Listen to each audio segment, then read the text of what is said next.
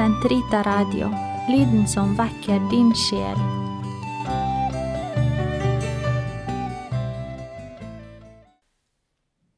Den katolske kirkes katekisme, uke 45, torsdag 1575 til 1580.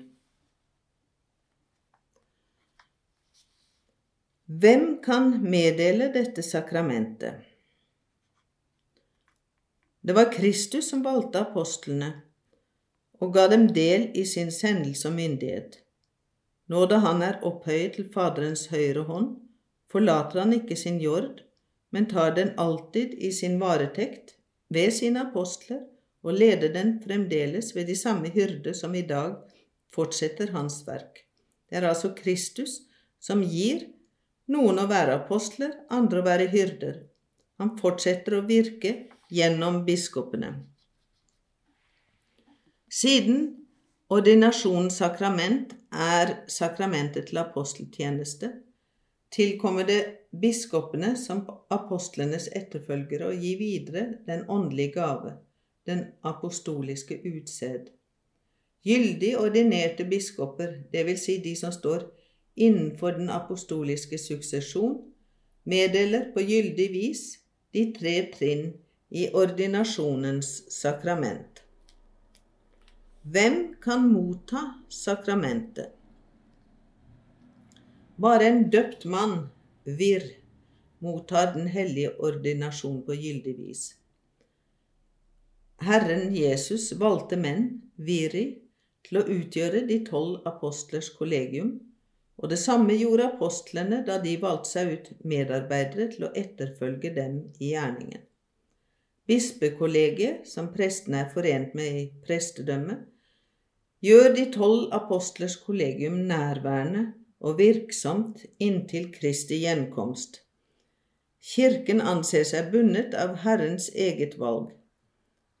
Derfor er ikke ordinasjon av kvinner mulig. Ingen har rett til å motta ordinasjonssakramentet. Ingen kan nemlig tilrane seg denne oppgaven. Den kalles man til av Gud.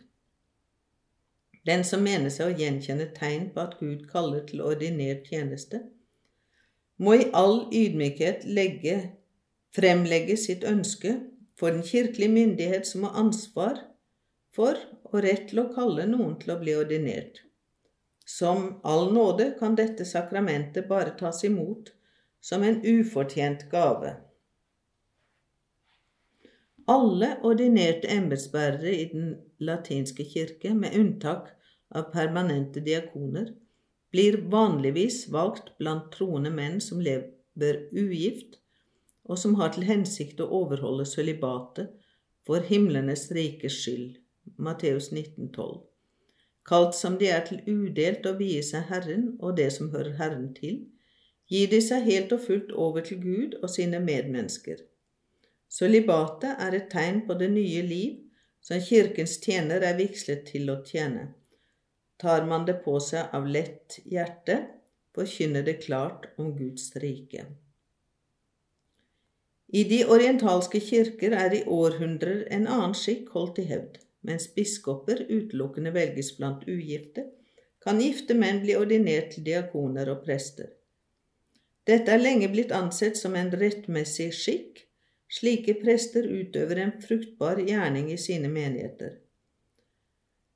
Men prestesølibatet holdes høyt i ære i de orientalske kirker, og mange er de prester som har valgt det frivillig for Guds rikes skyld. Den som har mottatt ordinasjonssakramentet, kan ikke lenger gifte seg, verken i øst eller vest.